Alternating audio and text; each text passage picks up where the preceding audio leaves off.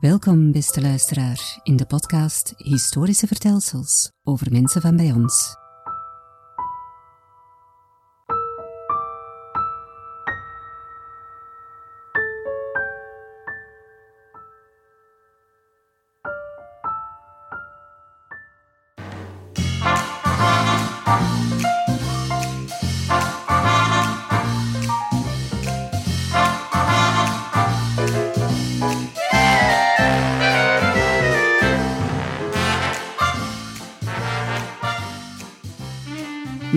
Van Schelle, een vergeten bekende Belg uit Merksplas.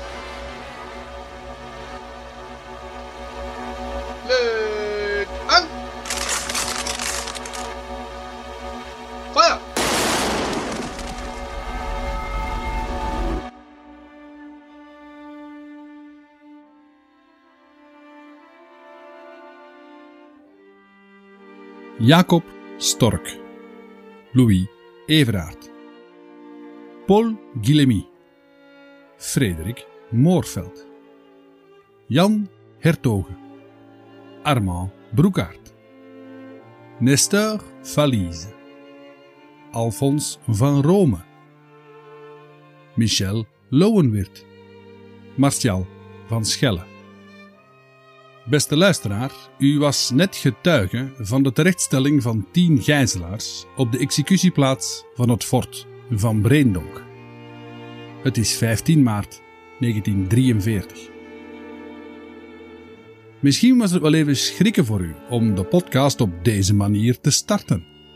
Excuses, mocht het zo zijn. Wraak. Dat is hier het sleutelwoord. De genoemde mannen, allen in gijzelhaft, hebben net de dood gevonden als vergelding voor de moord op twee gekende collaborateurs in Brussel. Jan Ake en een zekere Bois Bourdin, een onderofficier in het Waalse SS-legioen van Léon de Grelle. De boodschap naar het gewapende verzet was duidelijk. Indien jullie moordaanslagen blijven plegen op Duitsers of op medestanders, wel, dan gaan wij, als bezettende overheid, een stap verder. Een hele stap verder, want we nemen wraak in veelvoud. Als u wil weten hoe het systeem van gijzelhaft en vergelding werkt, dan verwijs ik graag naar de vierde reeks in deze podcast over het leven van Louis Boekmans. In episode 2 leg ik dat piek fijn uit. De laatste in de rij die ik zo net vernoemd heb, was Martial van Schelle. Zegt uw naam u iets? Ja? Wow, u kent uw gewijde geschiedenis, beste luisteraar. Heeft u nog nooit van Martial gehoord? Oh, dat is ook niet erg. Heel veel mensen kennen hem niet meer. Maar ooit is dat wel anders geweest. In zijn tijd was Van Schelle een BB, een bekende Belg, zeg maar. Een naam als een klok, die vreemd genoeg vervaagd is met de tijd. Heeft zijn levenseinde daar een bepalende rol in gespeeld? Misschien wel. Dus dacht ik, en ik loop al twee jaar met het idee rond, hoog tijd om daar verandering in te brengen en een historisch vertelsel te maken rond een figuur met een op zijn zachtst gezegd behoorlijk avontuurlijke levenswandel. Een levensverhaal dat begint in de Kempen, in de laatste jaren van de 19e eeuw.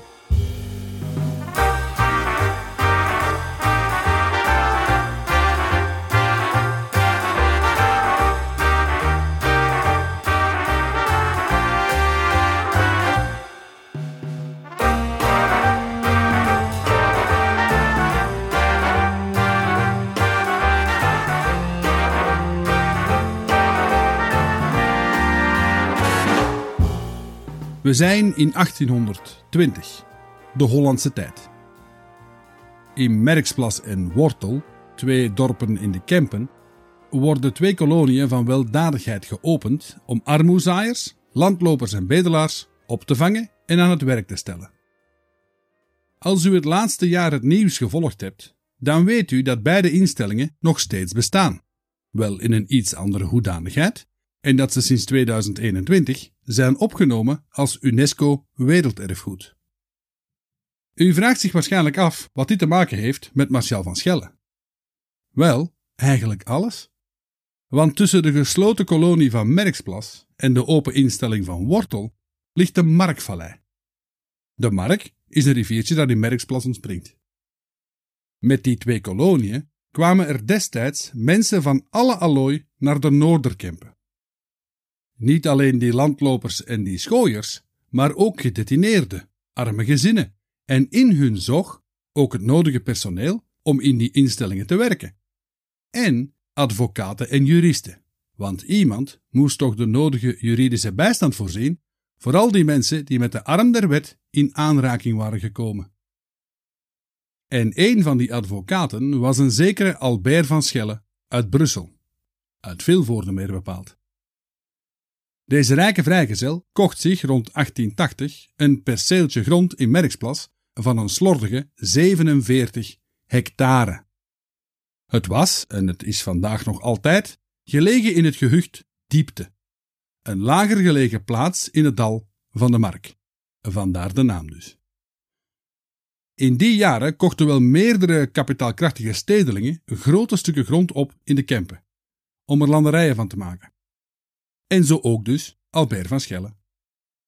Hij bouwt een grote villa met boerderij in het midden van zijn domein, met ernaast een paardenmanege en nog enkele kleinere hoeven die werden bewoond door lokale boeren.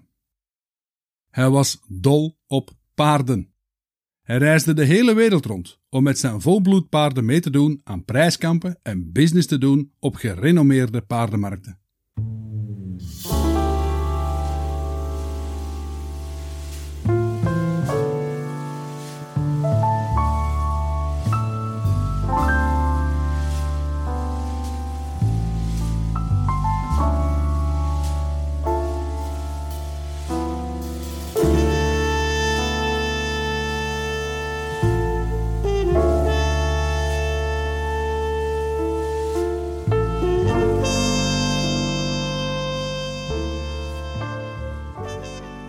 Onze Albert was naast advocaat ook lid van het prille internationale Rode Kruis, dat werd opgericht in 1864.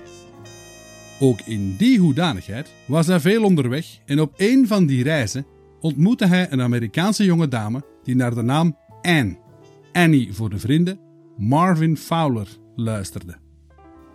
Volgens de ene bron ontmoette hij haar in de US.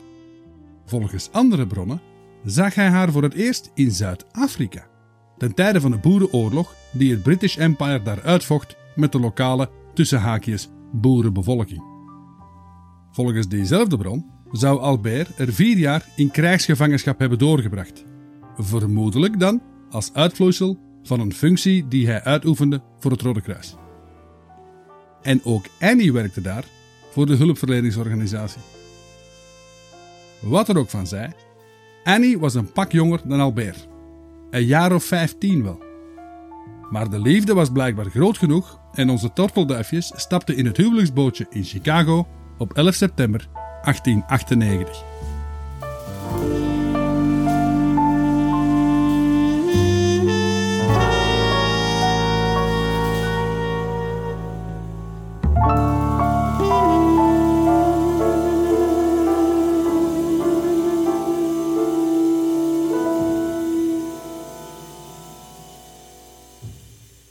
De lente van het jaar erop nam het kerstverse koppel opnieuw de boot. Deze keer een echte en een hele grote, die hen over de plas weer naar Europa bracht.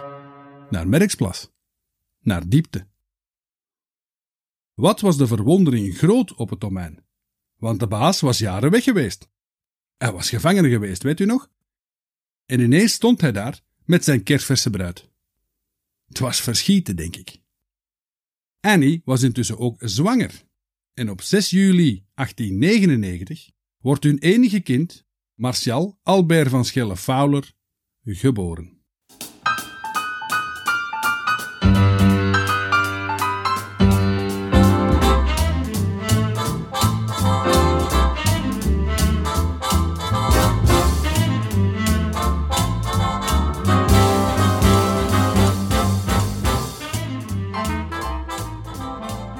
Weet je nog, beste luisteraar, in de podcast over Passier Borman, dat ik me afvroeg wat die voornaam eigenlijk wilde zeggen? Of bij Emmanuel van Ganzen? Wel, bij Martial heb ik dat ook altijd gehad. Waarom noemt iemand zijn zoon nu Martial? Wat Grasduinen Online leert dat het eigenlijk een Latijnse naam is, die wil zeggen aan de god Mars gewijd, en dat de naam vooral voorkomt in Frankrijk en in België. Er was ooit in de derde eeuw ook een bisschop Martialis van Limoges. Maar die werd als martelaar verscheurd en opgegeten door de leeuwen in een of andere Romeinse arena. Naar wie van de twee onze Martial uiteindelijk werd vernoemd, dat kan ik u niet met zekerheid zeggen. In elk geval, al van kindsbeen af werd Martial Ti genoemd. Waarschijnlijk omdat dat beter bekte, hè. Onze Ti. Typisch eigenlijk als ik er zo over nadenk. want u kent zeker ook onze Tiest, onze Zwa, onze Zoe, onze Sus. Te veel om op te noemen. Allemaal inkortingen van te lange voornamen, denk ik dan. Vandaag is er trouwens nog steeds een straat in Merksplas die de T van Schellestraat heet.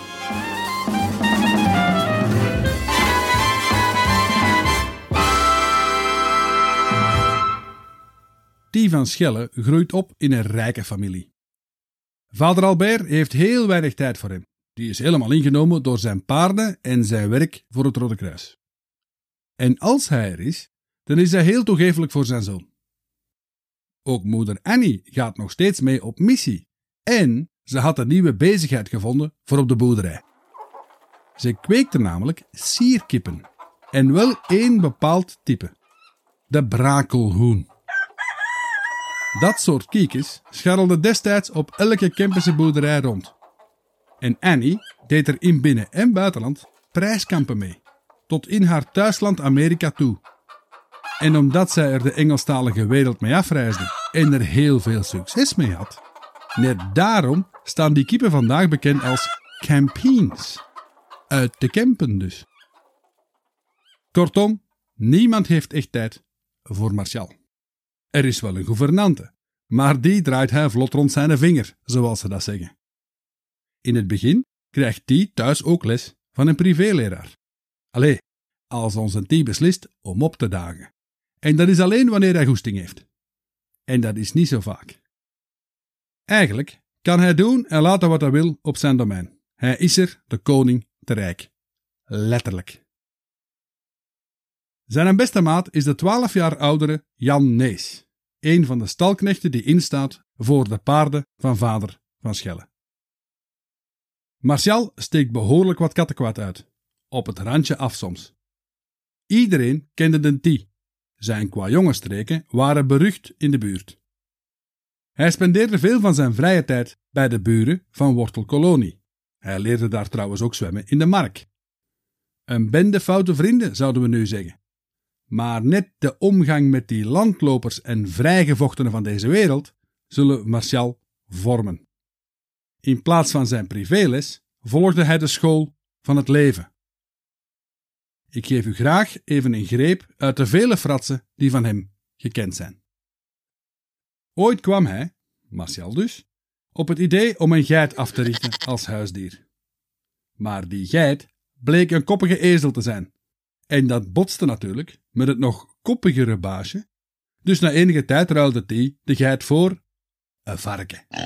Hij leerde dat roze beestje van alle trucjes, tot groot jolijt van het personeel op het domein. Het varkentje werd voor een kar gespannen en daarmee reed hij naar school in Worteldorp. Zijn vrienden laaide hij onderweg op. Groot feest natuurlijk in die kar, dat kan u zich inbeelden.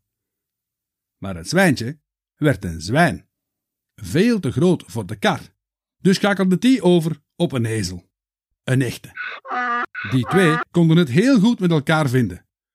Tot Martial zijn oog liet vallen op een fiets. Beste luisteraar, we spreken hier over het begin van de 20e eeuw. Zo'n vehikel op twee wielen, dat was enkel voor rijke mensen, hè? Hij reed er niet alleen mee rond. Nee, Martial zou Martial niet zijn als hij er geen toeren mee uithaalde. Na veel oefenen en evenveel accidenten lukte het hem om met die fiets over de hele lengte van de nok van het dak van de schuur te rijden. Tot de tak op een bepaald moment ophield. En Marcel met vele en al naar beneden dook. Avontuurlijk, zegt u? Zeker, maar het kon nog straffer en nog rapper. Hij spande ooit twee kabels tussen de top van een hoge boom en de voet van een andere. Hij fabriceerde vervolgens een houten kist, trok die tot in de nok van die hoogste boom, kroop erin en liet zich met een waanzinnige snelheid naar beneden glijden over die kabels. En pas op het allerlaatste moment sprong hij uit de kist, die dan te pletter sloeg tegen de andere boom. In de buurt werd hij bekend, nee nee, berucht zelfs, om zijn waaghalzerij. En dat spelletje met die kist, dat deed niemand hem ooit na, hè? Tenzij Jan Nees, zijn maat. Maar die heeft het ook maar één keer gedaan. hij sprong te laat uit de kist. Nu, er zijn nog meer van die grollen bekend, maar die moet u zelf maar eens opzoeken of lezen. U kan zich nu wel voorstellen hoe een avontuurlijk en liederlijk leven die van Schelle leefde als kind en jonge knaap. En dat avontuurlijke, risico's durven nemen, dat zat in zijn bloed. En dat zou ook zo blijven wanneer hij volwassen was. Ook als ondernemer. Onthoud het maar, beste luisteraar.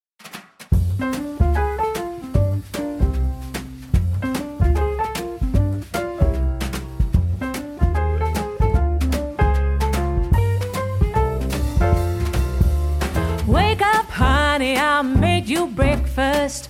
Fresh coffee and bagels, too. A new day is waiting for us. We got lots of fun stuff to do. Let's go to the zoo and feed the monkeys. I can lend them your baseball cap. Let's make the day a barrel of fun.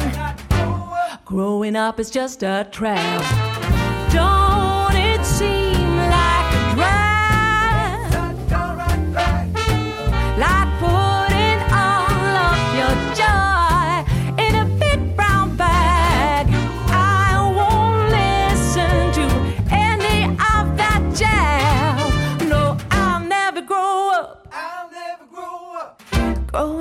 just a big fat trap.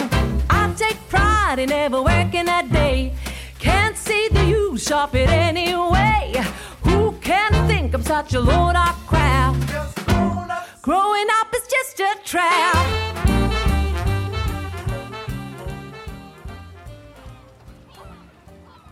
1 juli 1904.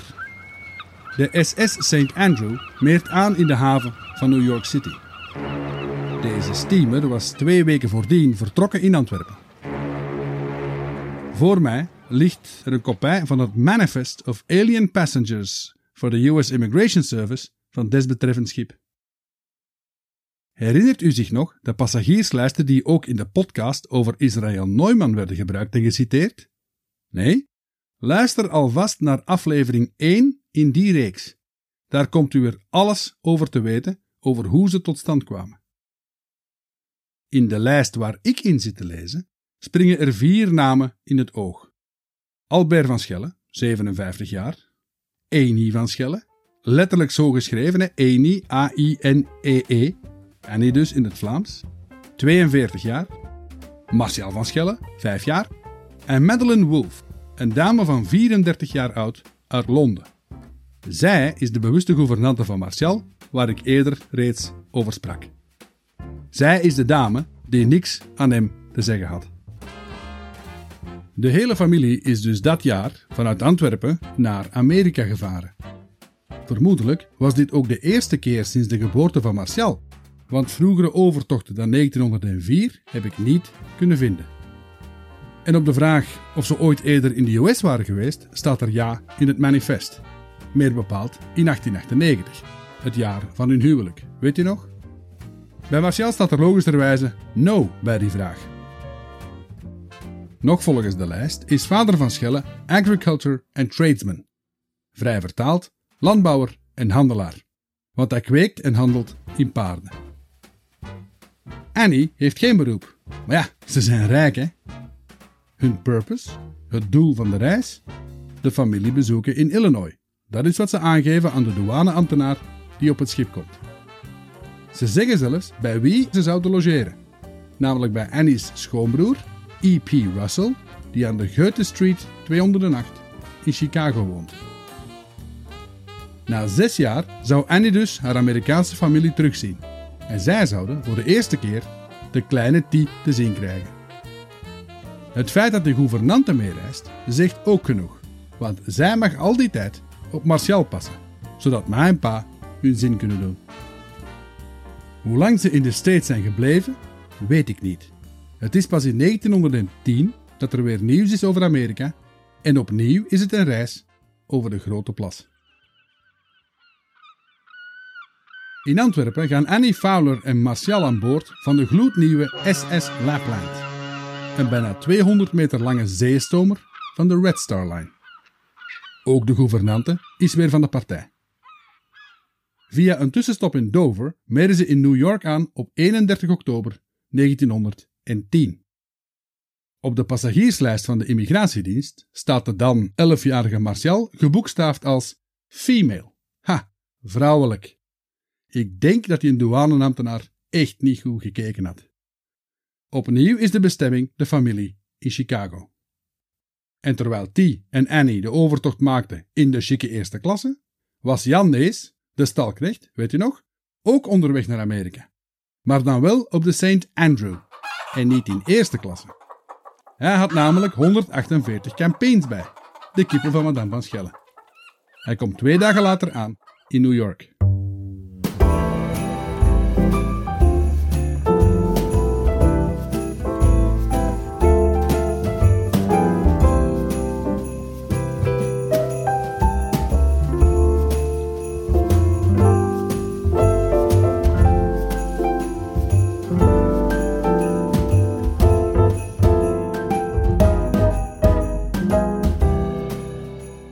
Amerika wordt meer en meer een tweede thuis voor Martial.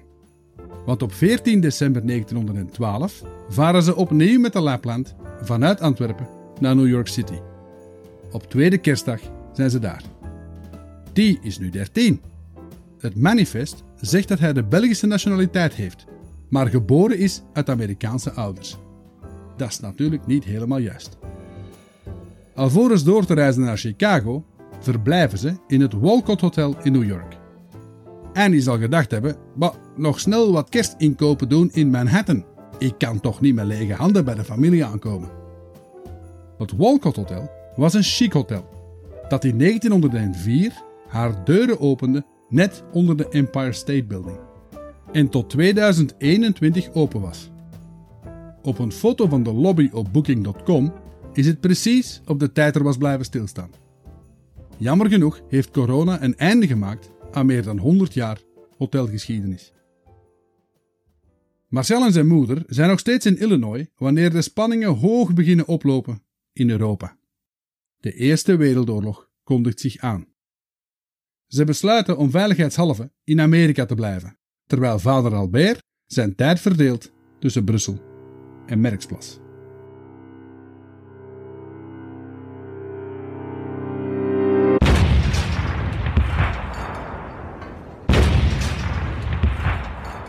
Op 4 augustus 1914 gebeurt het ondenkbare. Duitsland valt België binnen. Het doel? Parijs. Na een dikke twee maanden is ons land bezet op die morzel grondgebied daar achter de IJzer na. Het Duitse offensief loopt echter vast aan de Marne. En vanaf oktober begint in Frankrijk en België die verschrikkelijke loopgravenoorlog, die vier jaar zal duren en miljoenen mensen het leven zal kosten. Veel nieuws zal Annie niet gekregen hebben uit diepte. Was ze ongerust over het lot van haar man? Wilde ze haar rol binnen het Rode Kruis opnemen in België? Ik weet het niet zeker, maar na enkele maanden in de oorlog beslist ze om toch naar België terug te keren. Martial blijft in alle veiligheid in Amerika bij de familie. 1 mei 1915. Docks van New York City. In de vertrekhal zit Annie van Schelle, gepakt en gezakt, te wachten. Ze bladert wat achterloos doorheen de ochtendeditie van de New York Times, wanneer een advertentie op pagina 3 plots haar aandacht trekt. De keizerlijke Duitse ambassade waarschuwt de Amerikaanse bevolking ervoor dat Engeland een oorlogsgebied is en dat schepen die varen onder Engelse vlag of de vlag van hun geallieerden kunnen en zullen aangevallen worden. Reizen in Engelse wateren is op eigen risico, zo staat er te lezen. Ironisch genoeg staat er naast dat stuk een annons van de Cunard Company, de Britse rederij van het schip dat op vertrekken staat. De Lusitania, een luxe steamer van het formaat van de Titanic. En volgens Cunard is alles veilig. Annie heeft een overtocht in eerste klasse geboekt. Nu, ik heb wat foto's gezien online. Luxueus, dat is het minste wat je kan zeggen van die boot. De Lusitania vaart op Liverpool en van daaruit zal Annie dan op een of andere manier naar België doorreizen. België is bezet, dus hoe dat ze dat van plan is, blijft voor mij toch wel een beetje een mysterie. In de namiddag verlaat het enorme schip de kade van New York City. Een trip van acht dagen ligt voor haar.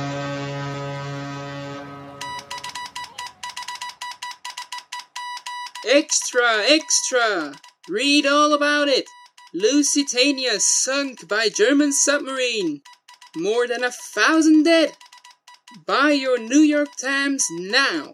Only one penny apiece, folks. Extra, extra! Read all about it! Lusitania! Op 8 mei is dit de headline van de speciale editie van de New York Times. Een Duitse onderzeeër, de U-boot 20, blijkt wat later, heeft de Lusitania voor de kust van Ierland een dag eerder met één welgemikte torpedo de dieperik ingestuurd. Het schip bevond zich namelijk in de oorlogszone waar de advertentie voor had gewaarschuwd. Duitse spionnen hadden aangegeven dat de Lusitania naast passagiers ook munitie vervoerde voor de geallieerden en dat ze daarom een legitiem doelwit was voor de U-20. Bij later onderzoek in het wrak op de zeebodem zou ook munitie gevonden zijn. Bijna 1200 van de 2000 opvarenden vinden de dood, vooral vrouwen en kinderen. En het strafste van het verhaal is nog dat de chef van de Britse Navy, een zekere Winston Churchill en enkele andere hoge piffen, wisten dat die U-boot niet zo ver van Liverpool opereerde. Een hardnekkig gerucht doet al meer dan 100 jaar de ronde dat Churchill bewust de grote steamers niet heeft laten waarschuwen. Hij wilde bijna dat de Duitsers er eentje zouden kelderen.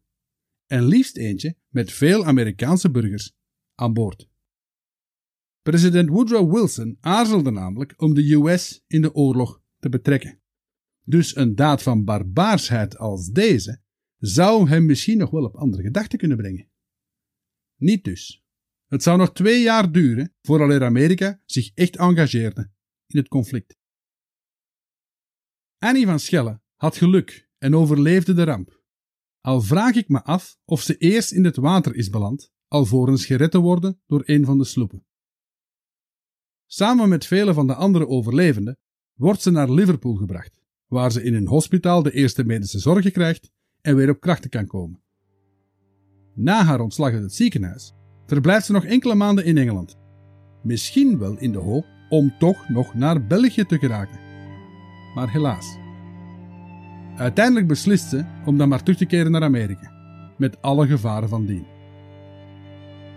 Op 18 augustus gaat ze in Liverpool aan boord van de RMS Arabic II. Een dag later wordt ook deze steamer van de Cunard Company in de Ierse Zee door een Duitse onderzeeër, ditmaal de U-24, getorpedeerd. 44 passagiers komen om het leven. Annie van Schelle overleeft voor een tweede keer op drie maanden tijd een scheepsramp. Ze had een serieuze Guardian Angel, lijkt. Nee, een konijnenpoot. Nee, nee, een kippenpoot. Dat zou ook nog kunnen.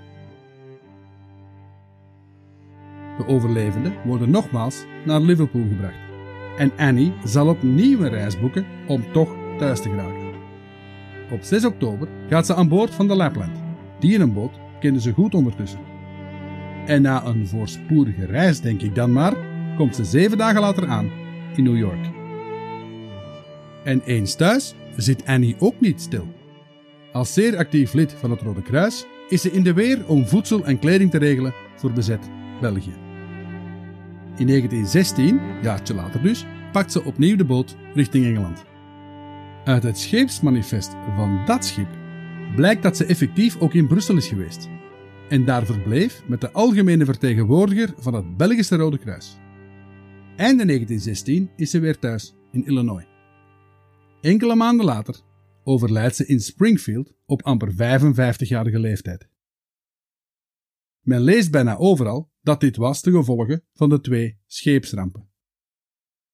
Maar als dat zo is, kan ik enkel maar bedenken dat ze tijdens één van die rampen een tijdje in het water gelegen heeft en dat ze er longproblemen aan had overgehouden.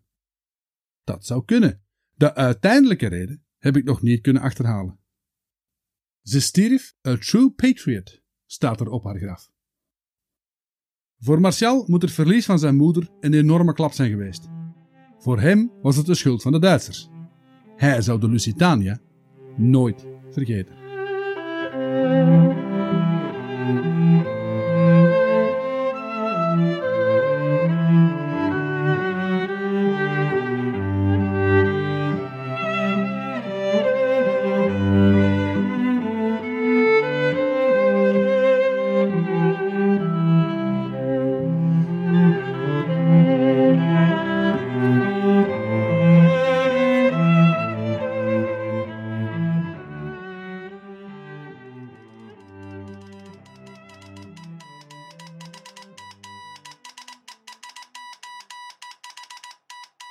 ...6 april 1917. De Amerikaanse president Wilson verklaart uiteindelijk de oorlog aan Duitsland. De directe aanleiding was wat men noemt de Zimmerman-telegram, waarbij Duitsland aan Mexico, buurland van Amerika, vroeg om aan Duitse zijde deel te nemen aan de Eerste Wereldoorlog. De Engelse geheime diensten hadden de telegram onderschept, ontcijferd en aan de Amerikanen bezorgd. Dit was de druppel die de publieke opinie in Amerika om oorlog deed roepen. Wilson en Amerika hadden sinds het begin van de oorlog heel veel industriële en financiële belangen in West-Europa. Duitsland mocht de oorlog niet winnen. Dus uiteindelijk is het geld en macht dat Amerika deed beslissen om toe te treden tot de oorlog. Churchill zal na zijn Lusitania-debakkelen wel heel content geweest zijn met deze beslissing.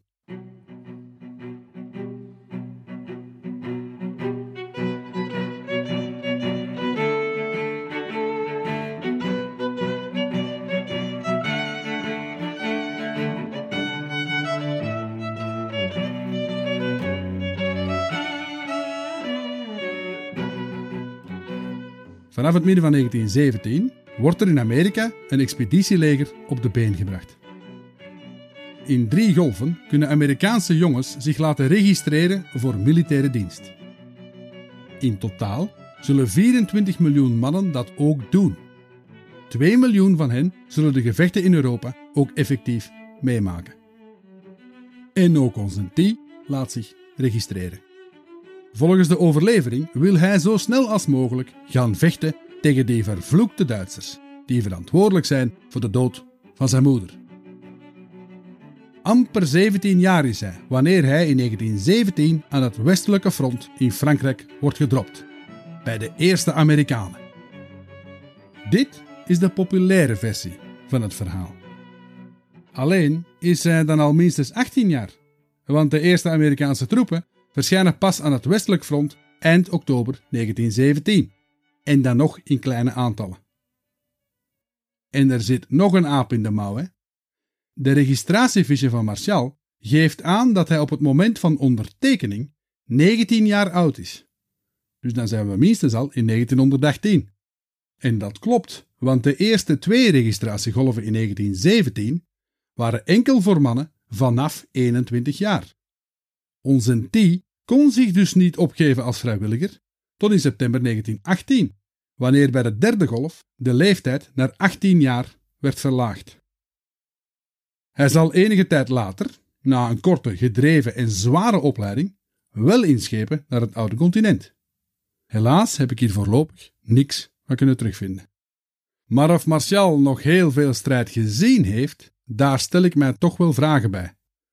Op 11 november was de Eerste Wereldoorlog namelijk voorbij, zoals u weet, beste luisteraar.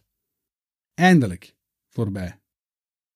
Martial keert na de gruwel van de loopgraven terug naar Merksplas, naar diepte, waar hij zijn vader na jaren afwezigheid zal terugzien.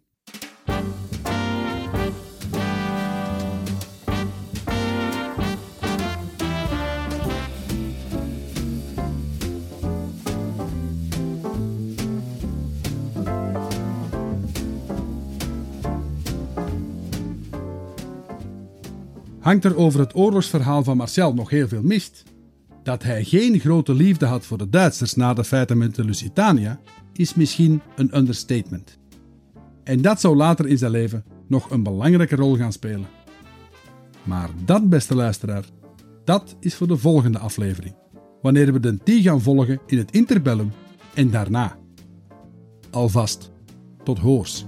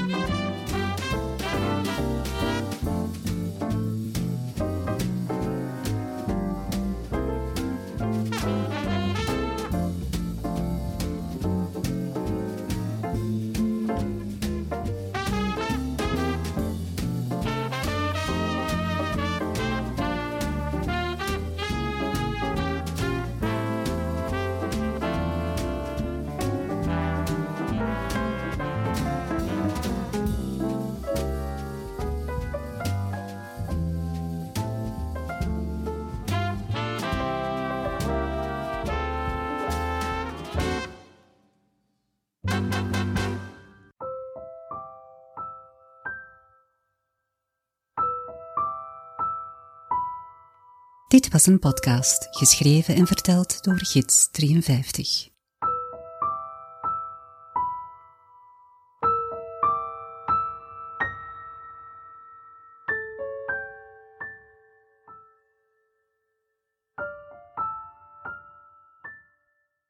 Moest u op Spotify luisteren, vanaf nu kan je de podcast ook raten. Punten geven als het ware. Via de app. Je zou er mij met wat eerlijke sterretjes een schoon cadeau mee doen. Alvast, bedankt.